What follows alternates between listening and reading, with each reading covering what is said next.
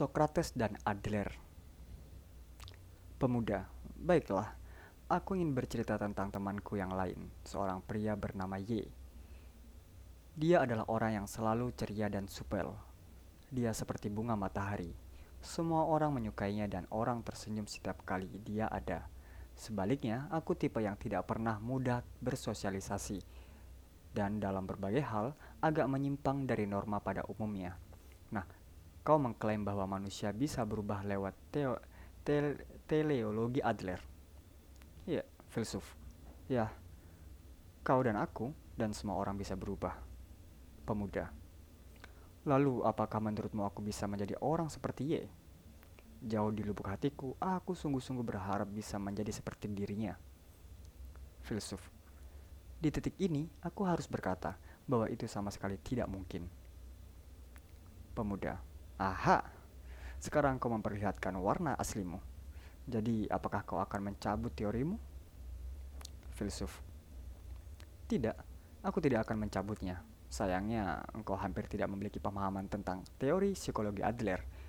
Langkah pertama untuk berubah adalah mengetahui. Pemuda. Jadi kalau bisa memahami satu hal saja tentang teori psikologi Adler, tentang teori psikologi Adler, aku bisa menjadi seperti Y filsuf. Kenapa kau terburu-buru mencari jawabannya? Kau seharusnya sampai pada jawaban itu dengan usahamu sendiri dan tidak mengandalkan apa yang kau dapatkan dari orang lain. Jawaban orang lain itu tak lebih dari upaya pencegahan semat sementara.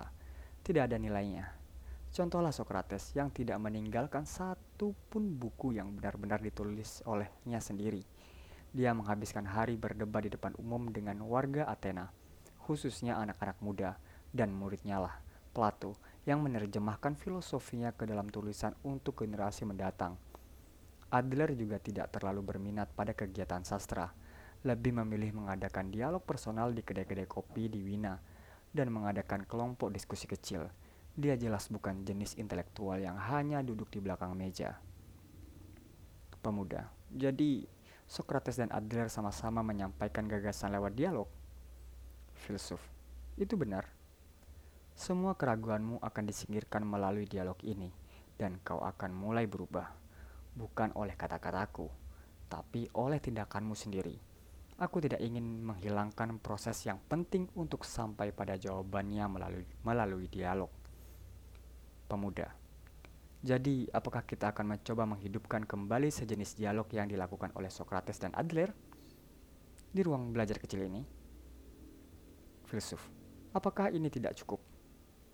Pemuda, itulah yang ingin ku ketahui. Jadi, ayo diskusikan sejauh mungkin sampai engkau mencabut teorimu dan aku membungkuk kalah di hadapanmu.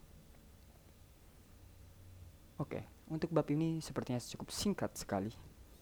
Sampai jumpa di bab selanjutnya. Terima kasih sudah sudah mendengarkan.